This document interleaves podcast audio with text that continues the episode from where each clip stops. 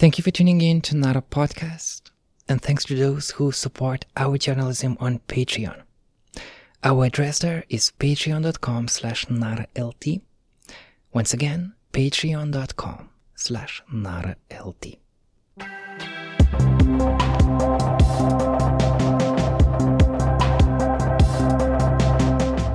This is the second episode of Rethinking Lithuania, a series of conversations with global Lithuanians where we complicate our country's past and present to have a deeper understanding of who we are as a society.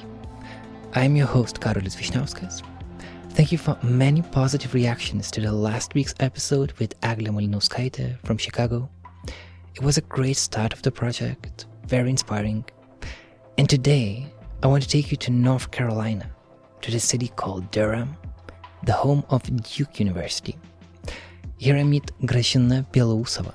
She's a teacher and a PhD candidate in religious studies at Duke. In the last year or two, she has become a distinguished, new, progressive voice in Lithuanian media. A very much needed voice. Gražina is also a former Protestant priest, and she's one of our writers at Nara. It was the first time we met in real life. Let's hear what Gražina has to say.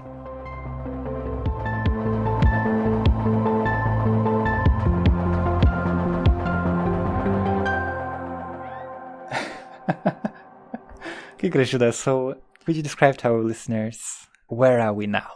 We're in Durham, North Carolina, in my basement apartment where I moved just uh, yesterday. And you have your cat walking around our homemade studio. Right. She's she's an eager participant in all conversations. How did you end up here in Durham, North Carolina? I wanted to study theology and I knew that I couldn't really study Protestant theology in Lithuania and I was not inclined into studying Catholic theology. That was a definite no. And the only place where I knew that I could study theology in English was the United States. And at that time, quite a few of my pastors were graduates of Duke Divinity School. And so that's where I applied to because that's what I knew. And lo and behold, there I was. Why theology? At that particular time, um, I tried to figure out what was the best way for me to make a difference in the world. What I wanted to do is I wanted to make myself useful, to put my education, to put my life, to put um, myself to a meaningful purpose for the good of the people. And within the framework within which I was functioning then, the way to do that was to go into ministry, to serve in the church. Initially, I thought I was going to work in Christian education, but it so worked out that I actually took a turn and I went into pastoral ministry. And so theology gave me a framework to understand human suffering, to understand inequality, to understand the world in all of its painful condition, and to respond to it. So that's why theology. You grew up in Vilnius, right, in the capital of Lithuania, but your uh, your surname is uh, is Russian, right? Mm-hmm, mm-hmm. And that puts you in a kind of not majority position right. in Lithuania and in, in Vilnius, even though Vilnius has always been a very multi ethnic mm-hmm. uh, city.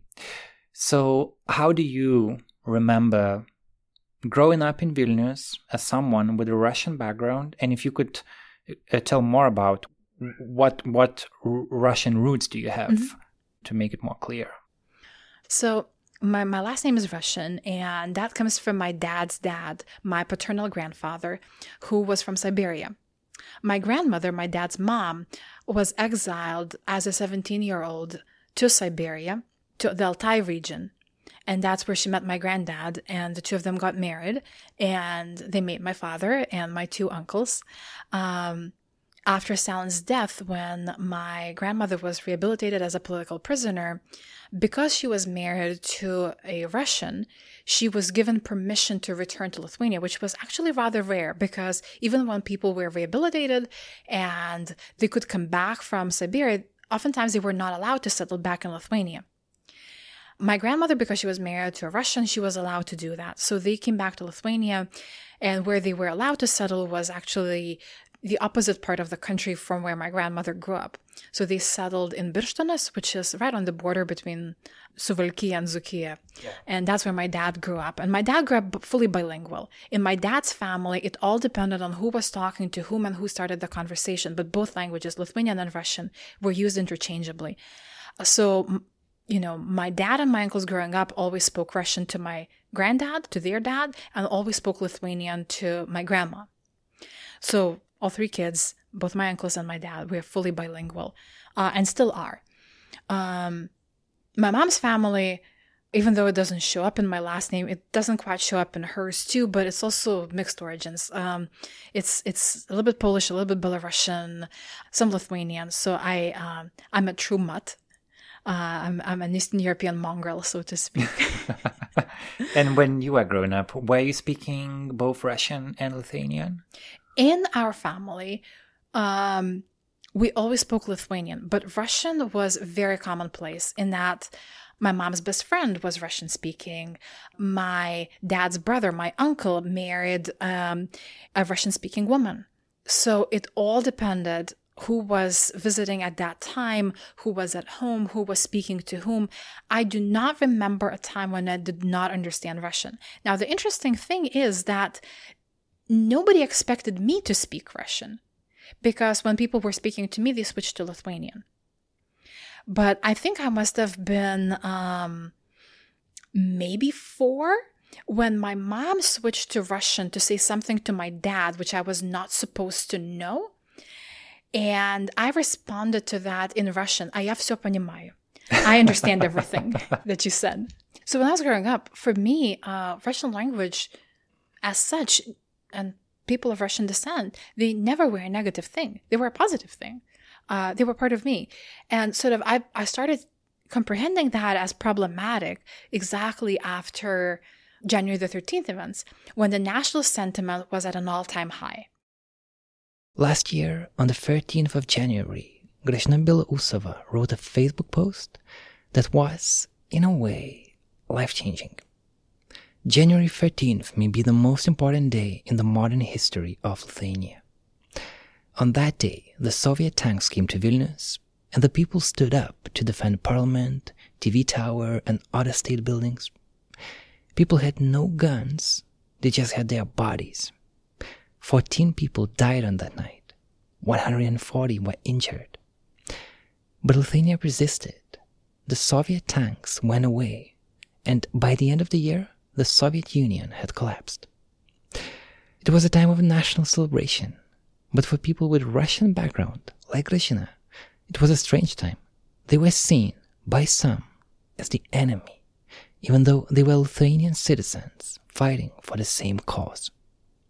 Gražina was a child at the time, but she remembered being bullied in school because of her Russian surname. It took her 30 years to reflect on that experience my parents took me to like demonstrations. Like I remember going to like Vingis Park and, and other places where sort of these demonstrations were happening. I remember my father wearing the the um, the tricolor Lithuanian flag, you know, uh, on his lapel. And for me, it never occurred that kind of the desire for independent Lithuania and being of Russian descent were incompatible. And sort of that tension became clear after the events of uh, January the 13th, when me having a Russian last name for certain people came to, to be a symbol that I was on the side of the occupiers. Of course, the primary social environment for me at that time was my school, uh, elementary school. And that's where sort of children, of course, they learned it from their parents, right? I, I, I see children not so much as like necessarily like active agents that are malicious, but rather as sort of the loudspeakers for what they hear at home, for what they hear on TV, for what they hear sort of, you know, kind of public conversations. But um, so the, it was the kids who were sort of calling me occupier, who were co- calling me Soviet, who were calling me all kinds of names because of my Russian last name. And it's like seven year old kids. It was like at that point, like eight, nine. All right. Yeah. Still, I mean, yes. Like we're talking young. third grade. We're talking third grade. Um, they were absolutely malicious. And I think what stands out to me is that the teachers were quiet. The teachers knew what was going on, but they were quiet. Nobody intervened. Nobody stood up. Nobody put an end to it. Um, and so at, it was at that time that I became aware that actually there is a tension in my own identity. You know, at that time, I became aware that I have a very Lithuanian first name and a very Russian last name, and I'm living with a split identity. And I think, once again, I think it was that particular time period, right? Uh, these formative years for me, for my classmates, for the country, when all that came to the fore. Because fast forward four years later, my sister goes um, to school with, you know, the same Russian last name. I think at maybe at some points that became kind of a bit of an issue, but you know how it is with children. Like everybody's last name becomes an issue at some point. But it was never a matter of ethnic battleground. It was never kind of her identity was thankfully never the sort of never the battleground for kind of nationalist ideals. So I think like I'm, I'm I'm realizing that like I was caught at a particular moment in Lithuanian history, at a particular moment of national sentiments where the idea of a, an ethnically pure nation state was what was broadcast as sort of the desired ideal. And I don't think that we have actually to this day clarified that Russian does not equal Soviet. Hmm right? In a sense that they were Lithuanians who were uh, supporters of the Soviet Union. And there were Russians who opposed the Soviet Union and who actually suffered greatly and were political prisoners. But we have not learned to make that distinction that not everything that is Russian is Soviet and not everything that is Soviet is automatically Russian. Mm. And I think once again, like I was caught up at that moment with that over identification of an ethnicity, Russian ethnicity, with ideology, Soviet ideology, was so fused together that you could not be of Russian ancestry and not be Soviet. And of course, to be Soviet was to be ev- against everything that was Lithuanian. Um, so that that sort of there were a couple years that were particularly rough, and I think they really shaped my own sort of identity and the way that I think about myself, you know, and why the question of like, who are you is never simple and easy. Mm. And uh, this year, when there were 30 year anniversary of January 13th, you wrote a Facebook post about that, and it was even though so many years have passed, it's still uh, difficult in Lithuania to talk about different aspects of of that time, and at the same time not being seen as some kind of some kind of traitor mm-hmm. or uh, Russian mm-hmm. spy or whatever. Like right, like right, right. just to be a citizen who is who who likes that Lithuania is independent country, but at the same time you still need this bravery to say, but look, this is mm-hmm. how it was for me.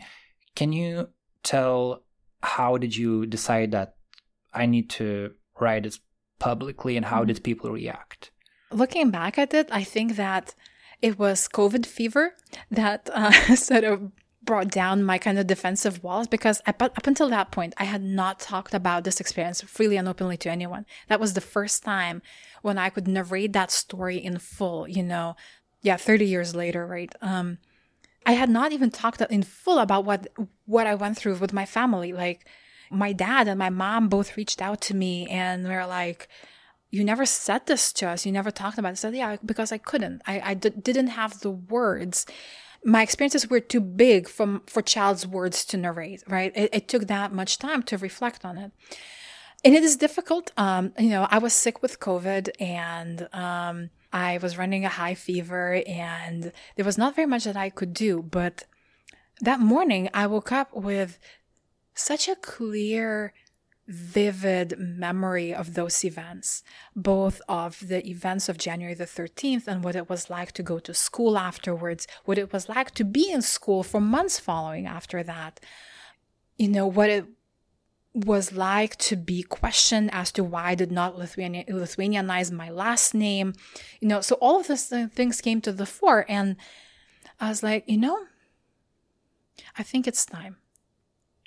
Uh, like I said, if, maybe it's COVID fever to blame, but I had a very deep conviction uh, that I could not fully.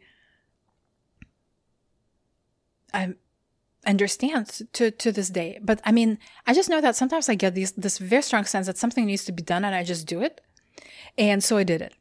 I sat down and wrote it, and I I was I wrote it mostly for myself and my friends. I did not expect that Facebook post to get such a strong response. And it started some interesting conversations. It started some really good conversations. And I think the fact that we were unable to make those distinctions and uh, the fact that we are unable to still sustain what, you know, one of my favorite um, scholars, um, Rothberg, calls multidirectional memory is very clear. In that there were people who were trying to, to say that, like, well, maybe you misunderstood. Maybe that's not what was happening. Uh, no, I did not misunderstand.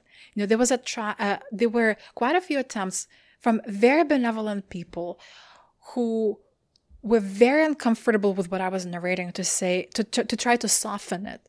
But, um, in some ways, I think that, you know, 30 years have already softened it, you know, like it is not as sharp. It is not like some, some incidents are not, as hurtful and maybe probably you know my memory kind of has morphed them into something that i can cope with. So no this is soft enough you know. This is very much edited. This is soft enough. It stays as is you know. Don't don't don't try to explain away what happened. Uh, there were people who were very thankful and those are usually those were usually people who share kind of um, my fate of being um, a person of multiple ethnic origins and and who felt very similarly to me that like it is very hard to find your own place. It is very hard to find your belonging when at the very basic level of your name you register as an outsider. And there were people who were genuinely surprised who never thought about that wow that was more than just like happy solemn uh, determined you know good that that that that was going on in those days, you know. So, yeah, and it was very clear that you know uh, these are the conversations that have not happened. Mm, mm-hmm. There was someone, I think, in the comments there was someone who, who was from your school, right, and who was yes mm-hmm. t- together with you at that time, yes. and mm-hmm. uh, I think she kind of apologized to you for, for you yes in the, uh-huh. in the yeah comment? yeah yeah uh, so basically you know uh, I, I really appreciated that. There were a couple of um, people with whom I went to school with, and you know, basically their sentiment was, um, we don't remember if it was us who participated in it, but we very well believe it might have been, uh, and we are sorry for what happened to you. And I really appreciated that. That was, um, I thought that was very mature, and that was maybe the best response that anybody could give. You know and you know some conversations followed after that. And i think the the sentiment was very clear that i didn't write it out of spite right? I didn't write to say like look what you did to me. It was more like um the story of independent lithuania is complicated and some of the complications collide on me in me you know? And their response was yeah it was complicated and we believe we may have been a part of it so we apologize for that. Mm. and yeah just for our listeners to understand it i mean your father went to the parliament on that yes. night, right? Mm-hmm, and mm-hmm. and I mean, at that time, you really didn't know what is going to happen. Maybe right. maybe those people who going to defend the parliament mm-hmm. and TV tower on these uh, main objects. I mean, they could die, and some people yes. have died, right? right? So, so he was fighting for Lithuanian independence, right? But he had a Russian surname, right? So just because of that, he was, and you at the, at the same time, is seen as some kind of enemy, mm-hmm. right? For sure. Uh, yeah, I mean, the night when my dad went to the parliament uh, to stand guard um, and basically to put his body on the line to protect it, I remember that night very, very clearly. And I remember my mom telling my dad, I understand that you must go, but remember that you have two small kids to raise. And that was the moment when I think I grew up years. There are those moments when we just become that much more of an adult in a single instance. And it was definitely that for me. And I I very clearly remember thinking, my gosh, I could lose my dad tonight.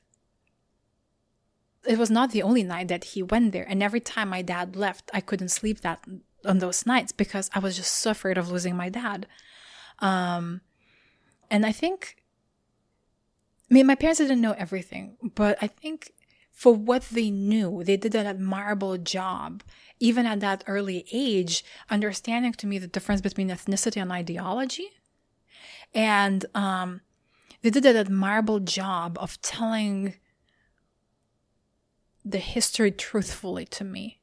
And I think that in some ways helped, if not in the moment, in retrospect, having that framework really helped. Gražina Belousova has been living in the US for nine years already, but only recently she started to publicly share her thoughts. Her articles tackle the conservative thought that is persisting in Lithuanian politics. For example, she criticized the Lithuanian refugee policy, or she argued that the church should stay away from the topic of abortion.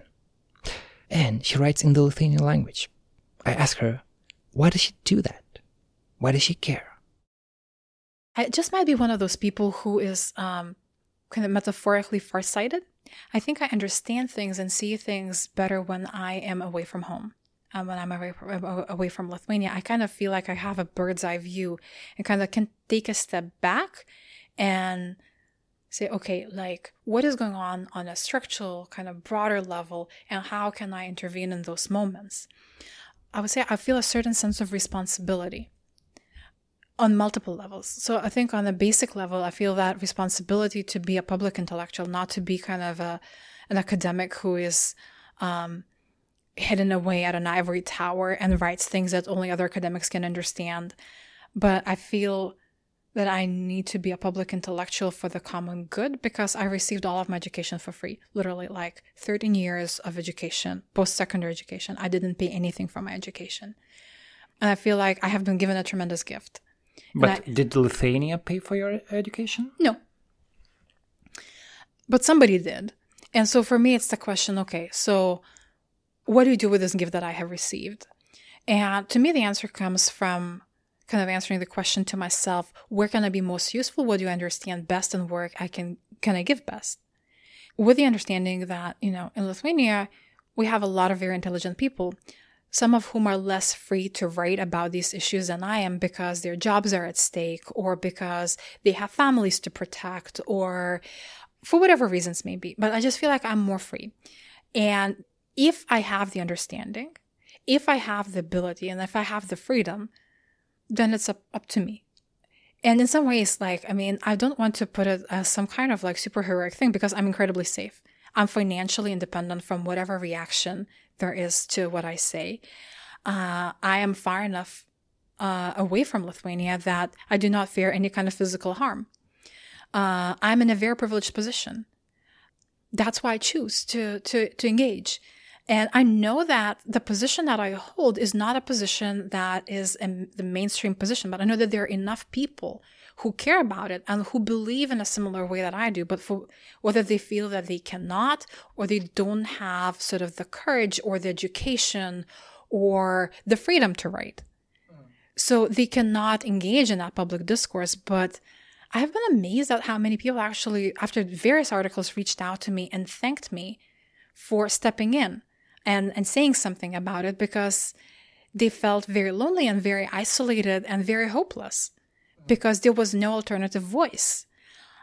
And I think it was that very post about January the 13th events and the way that they affected me that really convinced me that I have a responsibility towards other people you know and i think for me it it really goes down to that moment of feeling so lonely so isolated so unseen and at the same time to be experiencing that level of kind of injustice and cruelty i was like i don't want a single person to feel like they're unseen unheard unrecognized um, and i want to intervene on their behalf do you think you would have written that post if you would be in Vilnius? If you would be working for like Vilnius University at that time? Maybe I am. I'm very ill-equipped to answer that question um, because, I, truth be told, I'm I am unfamiliar with the Lithuanian Academy.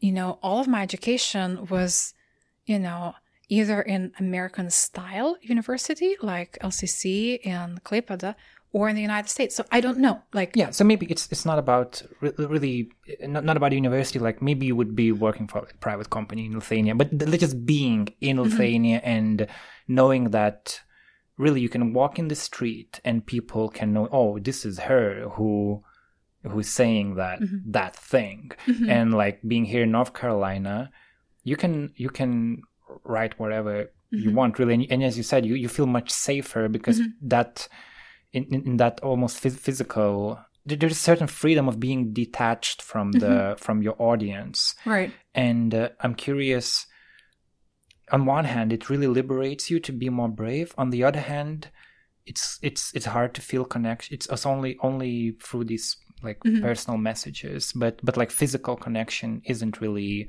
like you you, you isn't really there. So what do you gain what do you lose in actually being physically detached from from mm-hmm. the people who you're writing for yeah i think that for me being away from lithuania first of all gives me uh, critical distance uh, to self-reflect and critical distance to evaluate my experiences against the broader more global backdrop of events and in some ways um, you know, because I find solidarity with people who experience um, a level of discrimination, who experience kind of marginalization, because, um, you know, I find solidarity with people who sort of find themselves in, in, in sort of, you know, in these, in this crossfire of hybrid identity or mixed identity. Um, I'm able to evaluate um, my own experiences and I, I gain perspective and words and ability i would say to to to frame it in somehow so i think that is the primary thing that being away gives me. But um would i write it in lithuania all things being equal? Yes i would. Because the thing is that i think it's it's about moral courage you know and if somebody flips me off in the middle of the street because of what i wrote about iraqi refugees well let them. You know, it's more about, like, it says much more about them than it says about me. I think that for me, sort of being a public intellectual is so much more about moral courage to speak the truth uh, than it is about likability or popularity. So if somebody doesn't like me, so be it. You know, um, it does disturb me. It does upset me. It it affects me deeply when, like, you know, I receive messages from people who you know threaten to put me underground you know i sometimes fear for my like that you know my family will be harassed or implicated somehow really you, you receive these kind of messages oh yeah um excuse my french but there was a guy who said that he will me and put me underground hmm. just like just like that just hero after black lives matter post yeah wow okay even after i wrote um the post about Jan- january the 13th events there were people who definitely harassed me over that. But the like the only way not to receive that kind of negative attention is to do nothing. And I don't think that's in my DNA. Mm. I'm curious about what you said about uh, about responsibility. Mm-hmm. Yeah, like us like being here in in US right now and going to American universities. That's that's a pretty new thing. Mm-hmm when I think about my grandparents' generation, they couldn't really, they, they were growing up in a village. Mm-hmm. They did really, didn't really have an opportunity to finish high school. Mm-hmm. They, they were going to school for several years and they were just working all their lives. That's, that's how it was at that mm-hmm. time.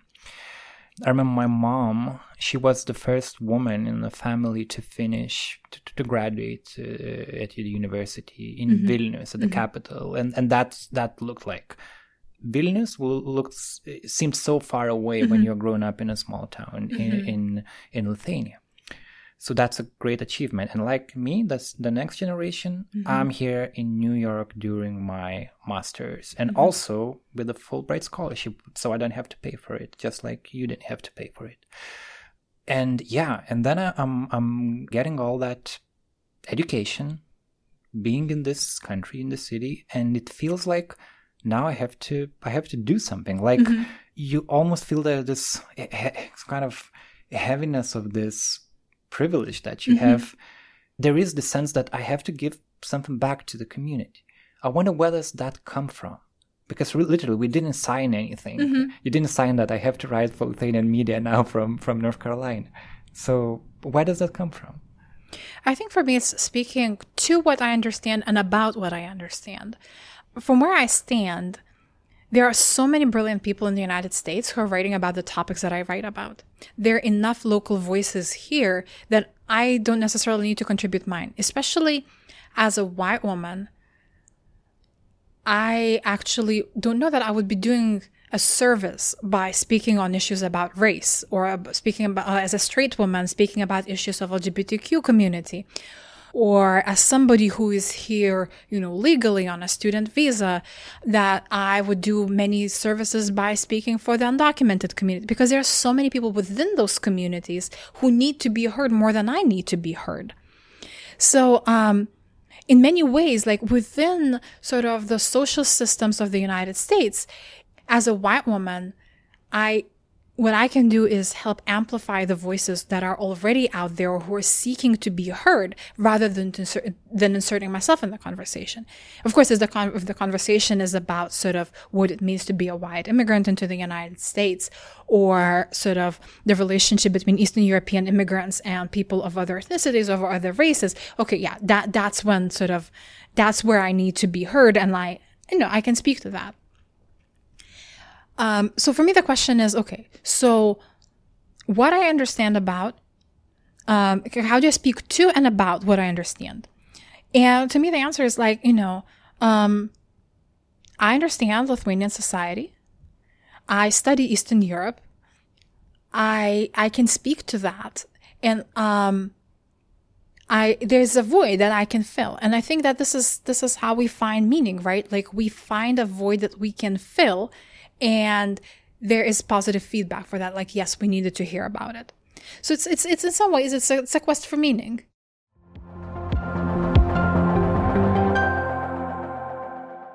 and in trying to understand your your Lithuanian identity, I think the religion component is also very important mm-hmm. because Lithuanian communities here in the US are really connected with the with the church. Mm-hmm. It's almost it goes like hand in hand. Church, uh, politics, mm-hmm. and and the idea of of being Lithuanian. Right. And that's why a lot of Lithuanians who came here during mm-hmm. the Soviet times they were they ended up being quite pro-republican because they mm-hmm. believed that because republicans were more religious mm-hmm. and they were more anti-soviet mm-hmm you, on the other hand, you are a Protestant, mm-hmm. right? And uh, that puts you in a completely different category, right? Mm-hmm. So, how does you growing up as a Protestant affected your belonging to, Lith- mm-hmm. to, to, to Lithuanian identity?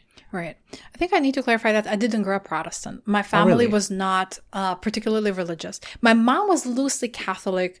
My dad is kind of agnostic, right? Okay. So I didn't grow up as anything in particular. I converted uh, to Christianity in the United Methodist Church in Lithuania at the age of 17, I think. Mm, okay. Right. So for me, it was. Um, you know, I, I was of an age where I could make decisions understanding their social impact. And I knew that you know, at that time, converting to, to a Protestant sort of faith meant that I was going to be more of an outsider. And, and I chose it, you know, um, in many ways because, I mean, I think even when I was not religious, I was anti Catholic. uh, the Catholic Church, um, the way that it registered to me, you know, you have to understand that, like, I was not baptized. My parents chose not to baptize me. I did not go through all the kind of rites that many Lithuanian young people go through, such as confirm, uh, first communion, confirmation, and, and, so on and so forth. And that was the issue going back to the January 13th experience when you were, yes. uh, were a kid. Yes all the other kids were baptized. Absolutely. And they you were, were, not. Right. And they were like right around that time, right? They were getting ready for First Communion, and I was not and um, they were most of them were enlisted into um, Catholic education classes. My parents chose ethics, and the school basically said, "Well, since she's the only one who wants to be in ethics, we're not going to hire a teacher just for her. So I had a free class. Hmm. You know, So I had you a were win- the only one. right. yeah. Okay.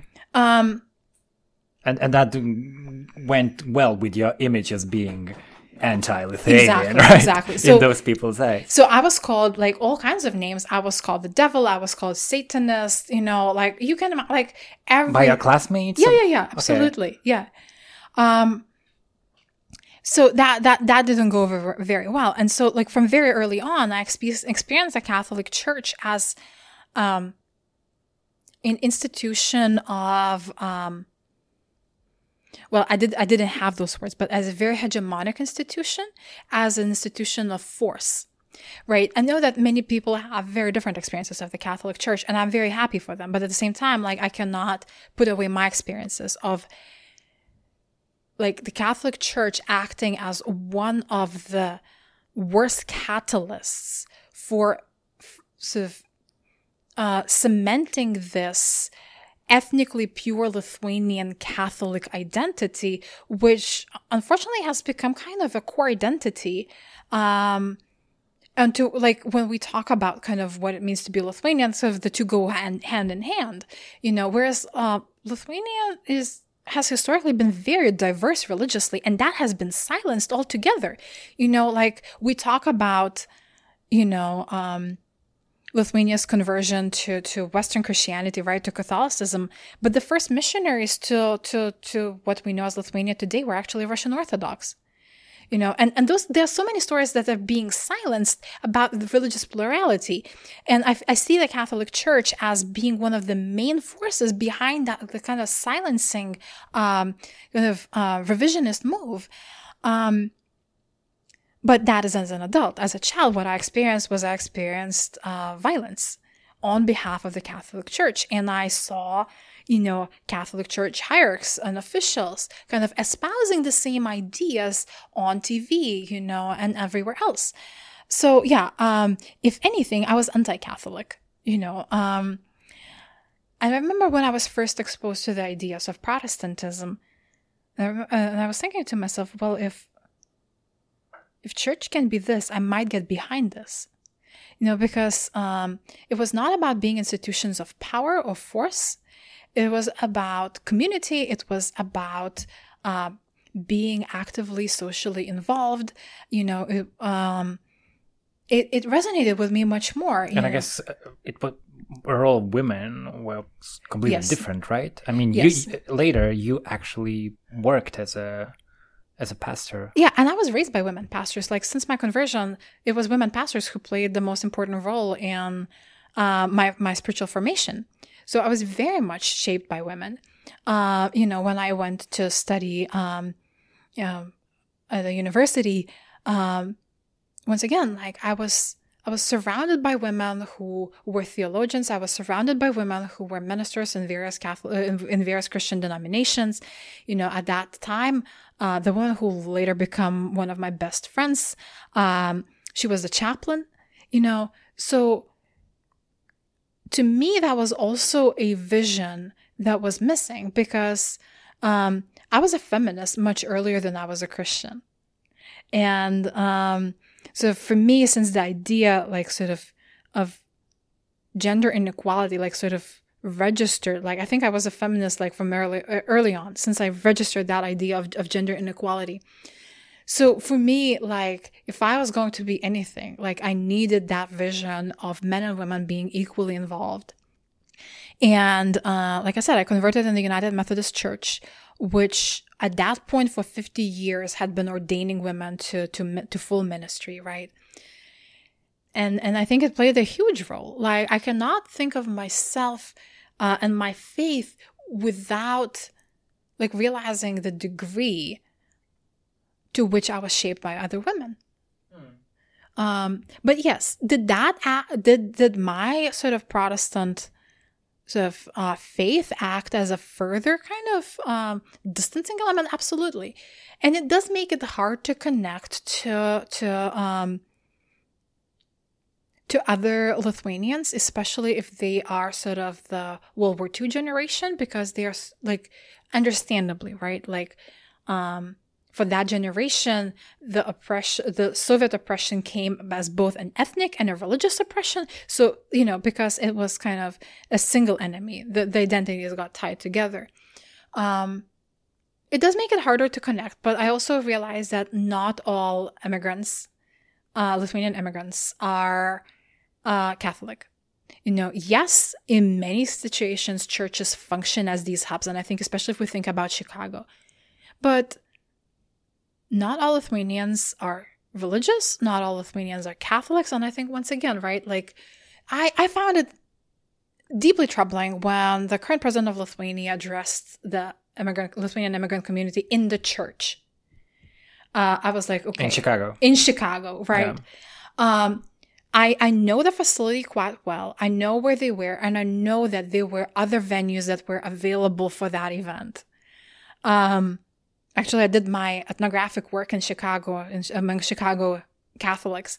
Um, there were other options, you know, and to me that was deeply, deeply problematic. Um, so I would say that though, like currently, like I don't think like, oh, like if you know somebody is a Lithuanian immigrant in the United States, uh, they will be Catholic and therefore they're going to reject me. But I think those early experiences, early alienating experiences, where I could not sort of find solidarity based on ethnicity, actually, where are continue to be more important in sort of the way that I approach the world, right? So um, I don't run from sort of interactions with other Lithuanian immigrants in the United States, but also don't go out of my way seeking them. Mm-hmm. I think what your example shows is that it's possible to kind of broaden the understanding of what really being Lithuanian means, and it yeah it doesn't have to be one religion, one worldview. It can be it can be all kinds of things, and uh, um, I think that's why important what what you do. So just going to the end, um, I'm curious when it comes to broader like American society, how do you feel that you fit in into that? Because I guess from the people who grew up in the US, it really doesn't matter that much from which part of Europe are mm-hmm. you, because all these things that we uh, know so well doesn't necessarily uh, part of the conversation for someone who was living in North Carolina. And for for them, I guess for a lot of people, you are well, as you said earlier, just white woman mm-hmm. being in in US and uh, could you tell more how your perception about yourself mm-hmm. changed being in the US mm-hmm. because for example the race aspect you don't really when you are in Lithuania you don't really think about yourself as a white mm-hmm. Lithuanian so the race aspect here I guess one of the things so c- could you tell more about mm-hmm. how your perception of yourself kind of changed being mm-hmm. in the US. Right. So I think that yes, I'm a white woman, and uh, and and that is sort of. Um, I would say that's the optics of it, right? Like when I walk down the street, like nobody's like no police officer is going to randomly stop me and ask for my documents. Even if I were, let's say, undocumented, right? Nobody would stop me. Like I don't register as somebody who quote unquote does not belong. But I think for me, the difference comes in what sonically that is the way I sound, and I have an accent. It is a rather nondescript, kind of broadly Eastern European, if the person is familiar with kind of that part of the world accent. Uh, and that's where it registers. Like that's where difference registers, right? And this is where the question, so where are you really from, come in. Um, so how do I fit in? I don't know that I do.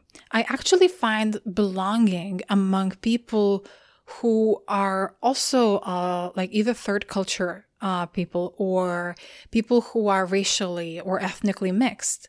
You know, so like one of my best friends is, um, you know, the daughter of a Puerto Rican Catholic mother and a Black Muslim American father. You know, um, and and there's an immediate understanding, right? We know what it means to cross cultures. We know what it means to uh, have a hyphenated identity. We know what it means to um, always fully struggle to explain to someone who you are. And those things go without saying. And there's a commonality, there's an understanding.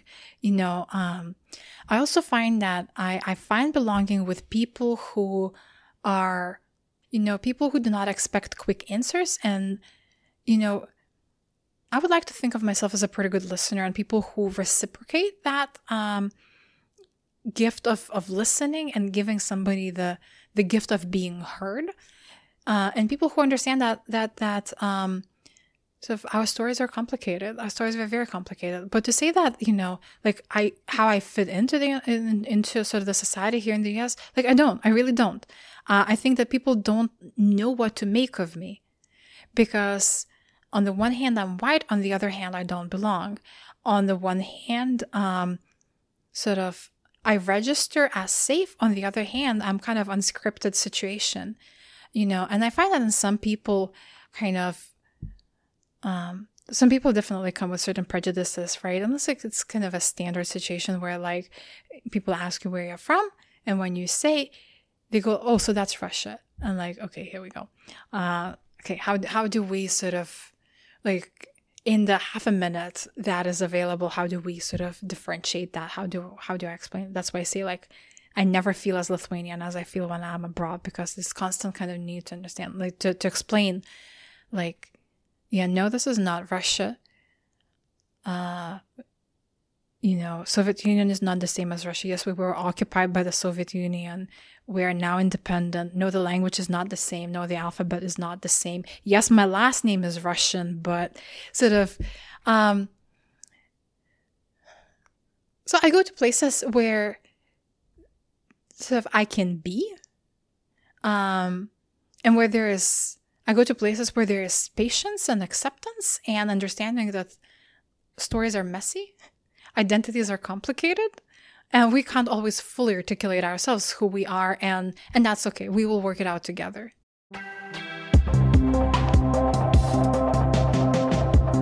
Thank you, Grisha. Mm-hmm. You're welcome.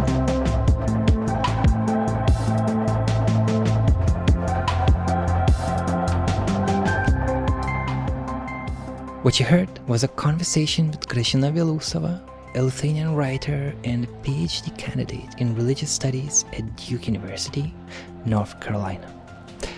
The episode was made by me, Karolis Vyšniauskas. It is part of my studies at NYU's journalism program Studio 20, led by Professor Elizabeth Spires. The music for the episode was conducted by Kata Bitoft. The next issue of Rethinking Lithuania series will be published next Wednesday. My guest is going to be a writer, Silvia Foti. Once again, please support our work at patreon.com slash naralt. It's an independent project and every dollar or every euro that you give to us, it's going to be invested in our journalism. So thanks to everyone who is doing that. See you very soon. Stay safe.